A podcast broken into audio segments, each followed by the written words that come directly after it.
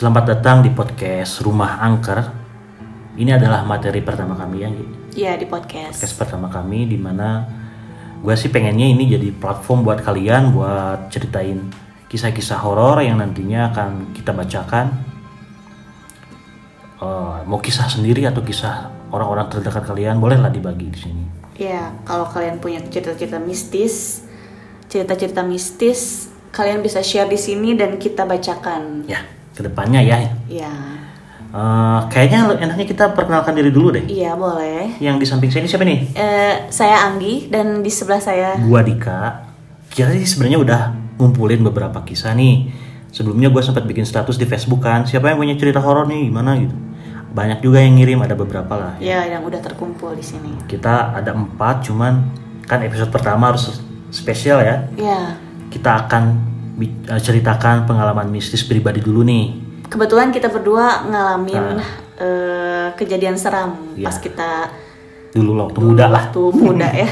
Kita waktu kita apa KKN. Dulu, Iya, tapi gua gua sama dia belum kenal. Beda- Iya. Kita beda kampus juga. Gue mulai dari gua cerita gua dulu. Iya dulu. iya iya. Gini nih, jadi gua kan kuliahnya di salah satu universitas negeri di Jatinangor lah, udah pada tahu lah yang negeri di sana apa ya. Gak usah disebut. Gue itu waktu 2012 itu ada program KKN tuh. KKN itu di di suatu desa di Sukabumi. Sukabuminya bukan kota yang kabupaten gitu Iya.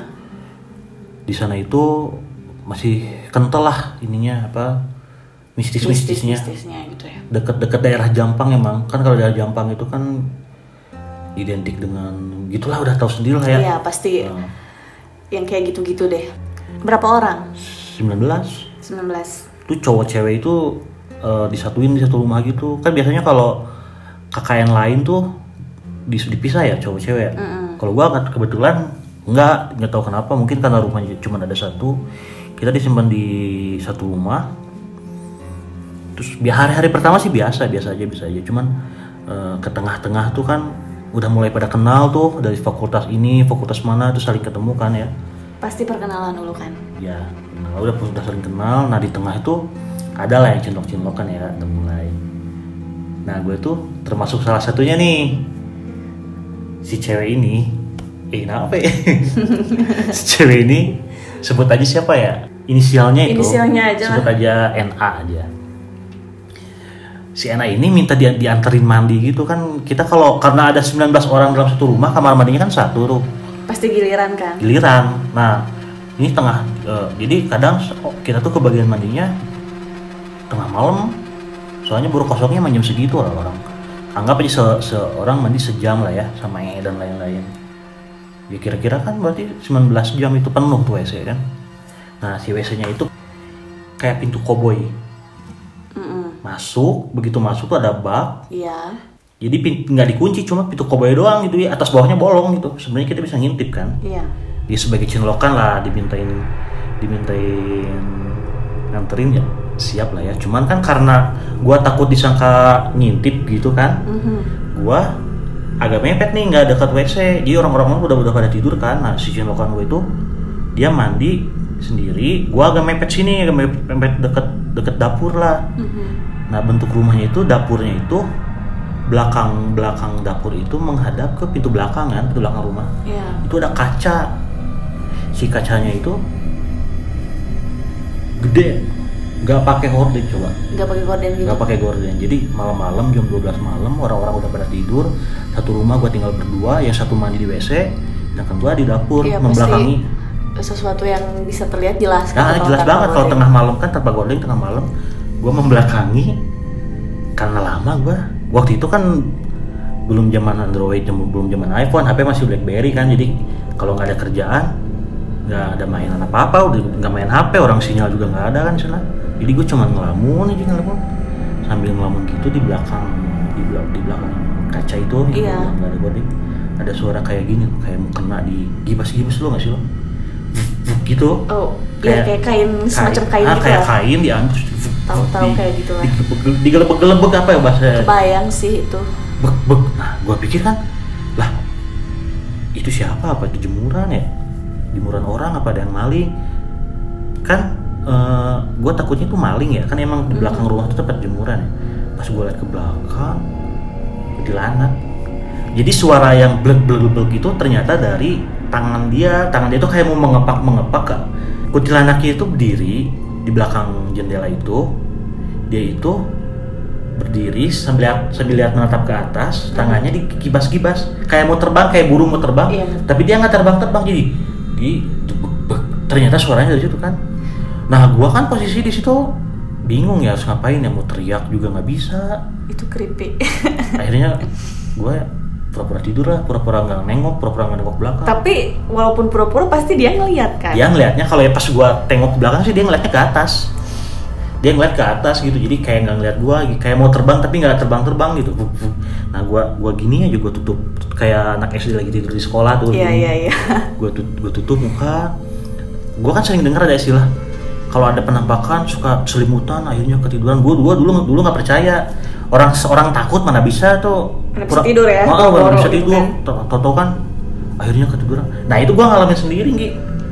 Jadi pas begitu gua ngumpet gitu pura-pura pura-pura ngeliat kan kerasanya lelah atau apa gua ketiduran akhirnya.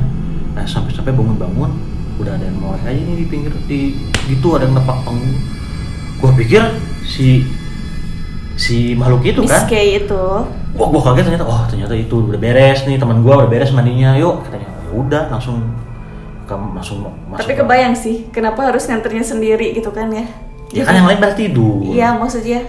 Dan itu eh, muncul di saat yang tepat gitu ya di saat kita lagi bener-bener sendiri orang-orang ah. udah pada tidur kayak yang gitu. gue pikir yang tadinya itu kan tadinya mau cerita kan cuma- cuman ya namanya gengsi ya cowok. Kelihatannya kayak pengecut gitu makanya berani berani diri aja. Padahal mah gue nggak cerita sampai besoknya gue nggak cerita itu. Nggak cerita siapa pun udah aja gue telan sendiri. Itu sih pengalaman gue suara gibas-gibas kain itu ternyata memang sumber suaranya itu dari sosok itu gitu. Dan itu beneran kebayang gitu.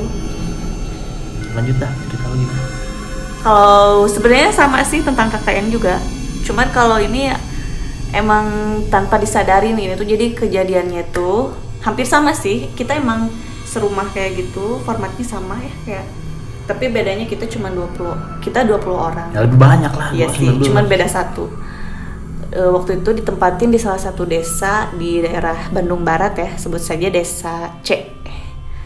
Di desa C ini nggak terlalu kayak di daerah situ sih, cuman maksudnya di sana kan udah rame kan Iya, rame. Cuman penduduk di sana tuh kayak di sana lebih karena pegunungan mungkin ya, dan memang dingin udaranya, maksudnya atmosfernya dan memang sunyi di sana. Terus eh, kalau masyarakatnya sih ramah-ramah, termasuk kepala desanya yang nunjukin tempat itu. Cuman rumah tempat yang kita tinggalin aja yang memang angker gitu. Kita di sana sama tuh, kita di sana tidur tuh tergeletak semuanya mm, 20 orang itu kebetulan Sarden ya Iya, cuman memang dari 20 orang dominan cewek gitu. Jadi yang cowok kadang suka pindah di eh, kamar depan. Nah, format bukan format ya maksudnya. Denahnya itu di eh, rumah ini tuh ada dua kamar, Hmm. depan sama tengah. Mm-mm. Ada ruang tengah tempat kita tidur, dapur itu nyat ya dap- dapur itu nyatu sama eh, di belakang sama kamar mandi. Nah, Hmm. Si kamar depan itu ya kadang kita pakai buat nyimpen tas-tas kita kan Hmm. sama kasur. Terus yang tengah itu kita kosongin.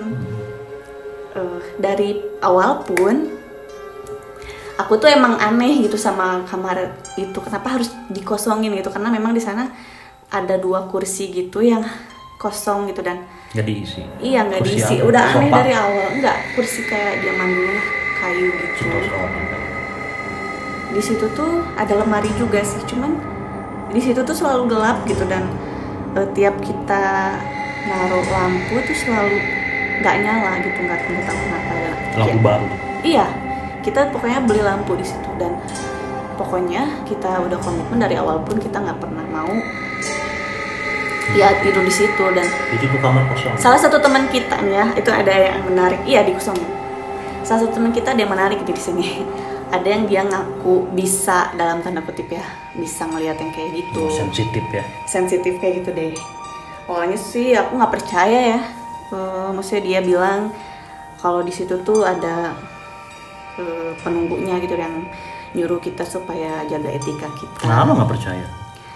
Ya awalnya aku emang nggak percaya karena masalahnya di sini lebih nekenin supaya kayak misal kita ngebuang mohon maaf ya misalkan untuk wanita yang udah menstruasi itu kan ada softteknya ya hmm. softeknya itu ya bekasnya itu kayak kita harus bawa ke rumah pada saat kita jadwal pulang kan itu ribet ya kalau menurut Oh jadi lo bolak balik gitu? Iya nggak bolak, maksudnya kan ada jadwal pulang. Oh, seminggu sekali. Gitu. Iya dan si orang ini yang katanya bisa melihat ini nyuruh kita supaya bawa itu tiap kita pulang kan risih juga ya. Maksudnya oh, itu jadi kan nggak boleh nggak boleh dibuang di sana. Iya katanya pokoknya harus ngejaga kebersihan gitu intinya dan awalnya sih aku nyepelein gitu tapi lama kelamaan ya entah mungkin emang ini karena faktor jadi nyep, itu. benar nyepelin itu jadi lu tetap buang sampahnya di situ. Iya tapi karena aku ngerasa itu udah bersih aku selalu pakai sabun dan kayak gitulah. Itu udah benar-benar clean gitu. Dan si teman ini aku ini ya nyaranin kayak gitu dan aku kebangkang mungkin waktu itu. Di salah satu malam ya kayaknya di pertengahan deh. Kebetulan kan aku tuh bagian report gitu ya di situ. laporan kalau KKN suka ada yang bikin yeah. laporan. Nah aku tuh selalu bergadang. Hmm. Salahnya aku tuh di saat orang lain udah pada gelar gitu ya gelar tidur. Pada tidur aku masih bergelut dengan laptopku ya dan kan posisinya gini ya. Uh, Sebenarnya ada buktinya ya nanti aku Ya, gue gue gue udah lihat itu. Iya ya, itu itu nanti uh, bisa dilihat sih di Instagram juga sebenarnya. Posisinya ini kan kamar yang tengah itu tuh aku nggak sadar kalau kamar yang kosong itu kan? Iya kamar yang kosong. Aku nggak sadar kalau itu tuh kamarnya tuh gordinnya tuh buka ngebuka dan kayak memang gelap kan nggak ada lampunya. Maksudnya lampunya nggak nyala. Terus aku tuh kan fokus sama laptopku di situ. Kalau itu waktu aku belum dikerudung sih. Di situ aku pasang headset aku lagi fokus ya apa nyusun laporan gitu. Terus nggak tahu kenapa ingin selfie gitu. Masih mending kalau selfie pakai kamera tuh ya maksudnya walaupun gak bagus-bagus amat. Ya? cuman ini enggak ini pakai uh, kamera laptop bawaan. Ya. itu enggak nggak ngerti nggak tahu kenapa ingin pakai kamera itu gitu dan jadi sambil nulis laporan dulu iya. foto gitu? Iya. Tiba-tiba tiga kali jepret aja udah aja. Terus abis itu ngelihat jam itu udah jam 2 udah aja ketiduran dan sadar-sadar itu tuh sebenarnya oh jadi pas lu foto tuh sebenarnya belum belum belum sadar. penampakannya belum justru sadar-sadar setelah kita udahan KKN-nya kan oh, kita lagi udah, nyusun udah laporan ya? akhir ya udah udah mau dikumpulin udah mau di print out. Hmm. kita kan butuh gambar laporan KKN-nya hmm. itu ada di folder itu aku pindahin terus aku lihat-lihat.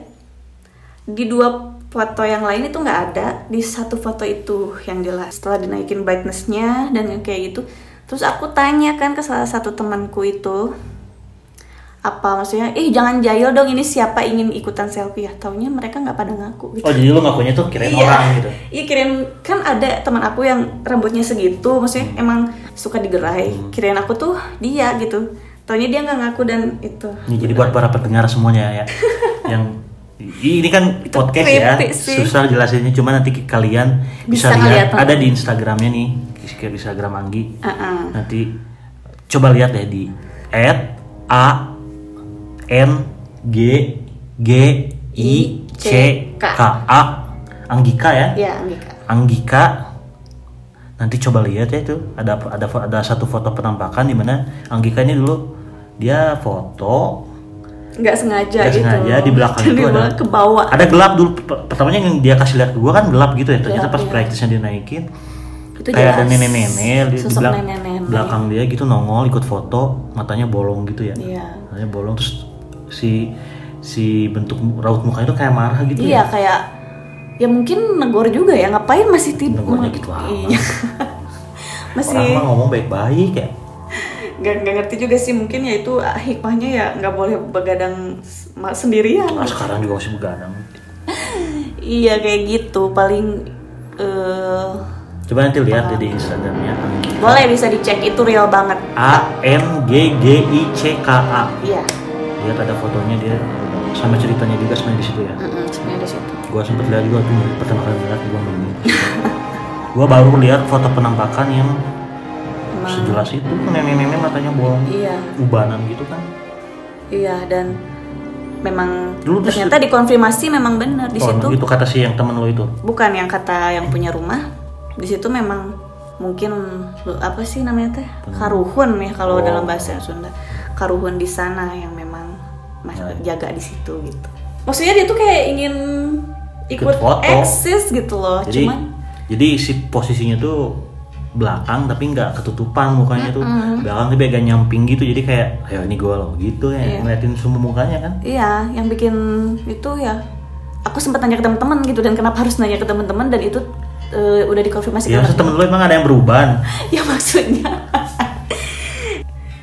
Penasaran aja sih gitu. Jadi masih penasaran siapa tahu itu ada kisah iya gitu maksudnya nggak mau menerima kenyataan bahwa itu tuh adalah tapi abis tahu itu foto ada penampakannya sakit apa gimana? Eh, enggak sih alhamdulillahnya enggak enggak enggak pernah ada mm, misalkan mungkin ketempel enggak sih enggak enggak pernah. Nggak pernah apa nggak tahu? Enggak enggak pernah. Enggak pernah semoga aja enggak pernah. Ya itulah dua cerita dari kita, Kita, buat ya. sebagai penglaris lah. Penglaris iya. Semoga makin ke sini makin banyak yang dengerin ya supaya Dan- kita makin berkembang juga podcastnya. Dan makin banyak cerita yang mau di share ke kita kita bacain kalau misalnya udah kita sortir dulu ya. Berikutnya nih cerita dari teman-teman kita ini nih. dari temen hmm, dari Fast Ed, eh, enggak enggak ini Facebook dia Facebook. Ini Facebook ya. Namanya? Namanya Pascal. Hmm. Oh iya buat teman-teman kalau misalnya mau di sensor namanya atau enggak di unknown atau enggak apa ya mau hamba Allah. Sama Allah kata sembah oh iya, maksudnya eh, bisa ya kalau misalnya nggak mau pakai nama juga nggak apa-apa. eh lu capek nggak mau gantian nggak Boleh boleh. Agak haus ya. ambil lah tunggu dulu ya lu kerja Iya, dulu Mulai. Jadi ini ceritanya gini nih dari Pascal. Dia kirim cerita kayak gini ya. Sewaktu aku kecil, dulu kata ibu aku, aku selalu nangis dari jam 6 sore, kadang sampai subuh. Lah, semalaman sampai subuh Lama nangis. banget. Katanya aku di Cilukba sama genderuwo di Cilukba. Oh di wow gitu kayak kebaya. Yang nungguin pos depan rumah aku. Oh penunggu pos di rumahnya nih. Sampai-sampai ayahku manggilin kiai dukun segala macam tapi tetap aja sama. Sampai aku umur beberapa bulan baru nggak nangis kata ibu aku. Biasanya setiap sore ibuku nyiram air tajin. Air tajin itu air doa, air doa mungkin ya. Ke seluruh rumah katanya biar nggak diganggu. Tapi sekarang udah enggak karena aku sama adikku giginya udah goyang semua. Hubungannya apa? Mungkin udah dewasa atau Oh apa? iya udah udah Ya udah gede mungkin ya. ya udah lumayan. Nah beberapa bulan yang lalu pas aku main HP di lantai dua, oh dia udah gede nih. Beberapa bulan yang lalu pas aku main HP di lantai dua, kan aku lagi asik-asiknya tuh tiba-tiba aku lihat ada bayangan putih jaraknya 1 sampai satu setengah meter dari tempat aku itu dekat dong ya. Pas aku nyalain flash, makin jelas deh bentuknya itu apa dan ternyata itu pocong. Wujudnya gede, agak pendek, dan mukanya nggak kelihatan, kayak ketutup kain gitu. Dia nggak nunjukin muka. Aku bergegas turun, tapi aku nggak ngapa-ngapain dia. Ya kali tangkep itu. Oh ini pocongnya gede, Pendek. Ses- mungkin sesek kali ya, Pe- agak pendek, mukanya nggak kelihatan. Kayaknya nggak kelihatan. Emang biasanya sih kalau Ya. kan suka nggak jelas sih. Beberapa hari setelah itu aku ke lantai dua lagi di tempat yang sama. Dia ke tempat situ lagi tuh. Aku asik-asik HP-an, main HP lagi ya. Tiba-tiba ada tokek. Ada tokek bunyi. Ya aku maklumin lah orang cuma tokek. Eh setelah itu ada sekelebat bayangan putih lewat jendela. Aku dan oh, lewat jendela aku dan tak lama di tempat yang sama aku lihat pocong. Pocong kemarin ini tapi yang ini kurus gede. Oh ini beda dia. Dia kalau tadi kan gede, pendek. Ini kurus, gede, tinggi. Bisa berarti ada dua di situ. Mungkin juga ya. Atau bisa aja ini kan kalau makhluk begituan katanya bisa menyerupai apa pun. Iya sih, mungkin. Versi yang sekarang sama versi kemarin beda. Dan mukanya nggak kelihatan tetap mukanya kelihatan. Karena kesal, dia udah kesal dia udah nggak takut lagi. Karena kesal aku turun ke bawah ambil garam, terus aku balik ke atas sambil baca doa. Aku sebarin ke tempat di mana pocong itu ada. Oh berani. Pas aku balik pocongnya udah ada, udah nggak ada. Oh udah nggak ada. Dia balik udah nggak ada. Tapi ada kepulan asap sih. Terus beberapa hari lagi pas aku buang sampah ke sebelah barat rumah, kan ada bambu-bambu banyak banget. Pas aku lagi buang ada pocong itu lagi. Wah di teror ini beberapa hari kemudian dia masih ada tuh. Ya aku cuekin aja. Terus beberapa hari lagi aku buang sampah ke tempat yang sama. Dan ada kelihatan cahaya dua kali warna putih terang banget. Di pucuk salah satu bambu yang aku ya aku kaget aku lari ke kamar dulu. Terus pernah suatu hari aku kerja kelompok. ke rumah teman sebangku aku.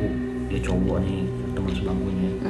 Dari jam 3 sore selesainya jam 5 karena aku akrab sama dia dan keluarga dia. Disuruhlah aku main main di sana dulu sampai jam 9 malam. Pas aku pulang aku lewat sawah-sawah sepi banget. Lampunya jarang-jarang dan di sebelah kiri ada yang berdiri dan itu pocong-pocong lagi. Teroris. Ya. Pascal sial banget nih teror iya tapi anehnya aku nggak takut. Wah itu udah biasa. Aku nggak takut sampai terus akhirnya dia nggak takut. di teror terus sampai terbiasa aku nggak takut. Terus pas aku udah agak jauh aku lihat spion. Pocongnya kayak mau terbang ikutin aku.